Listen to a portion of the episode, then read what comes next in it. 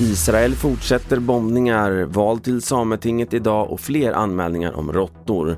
Jag först i TV4-nyheterna om att det var en orolig dag både på Västbanken och i palestinskt dominerade städer i Israel igår. Och i Gaza bombades dels ett hus där två internationella nyhetsmedier höll till men också ett hus i ett flyktingläger vilket ledde till att flera barn fanns bland dödsoffren.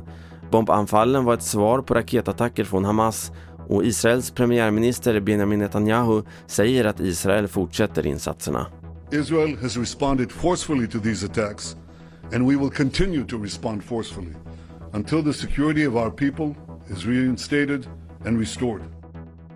Idag är det val till Sametinget för de drygt 9000 samer som är röstberättigade i Sverige.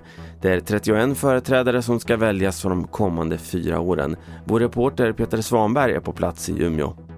Utan tvekan så är den viktigaste frågan det här med rättigheter, inte minst sedan Girjas sameby i den norrbottniska delen av, av Lappland då fick rättighet till jakt och fiske, att bestämma över det i, i en domstol. Då har den här frågan aktualiserats ytterligare för de samer som är, ligger utanför samebyn och som naturligtvis också vill se över sina rättigheter. Anmälningar om råttor nära bostäder har ökat det senaste året. Det uppger företagen Nomor och Anticimex som bekämpar skadedjur. Råttorna upptäcks framförallt på innergårdar och i soprum. Så här säger Andreas Källqvist, driftansvarig tekniker på Nomor i Malmö. Det kan ju ha med pandemin att göra, att folk sitter mera hemma och ja, har kontoret och tittar ut genom fönstret oftare än vad man gör i vanliga fall. Man hämtar lunch och sen slänger det och sen ja, det blir mycket avfall när mer folk är hemma.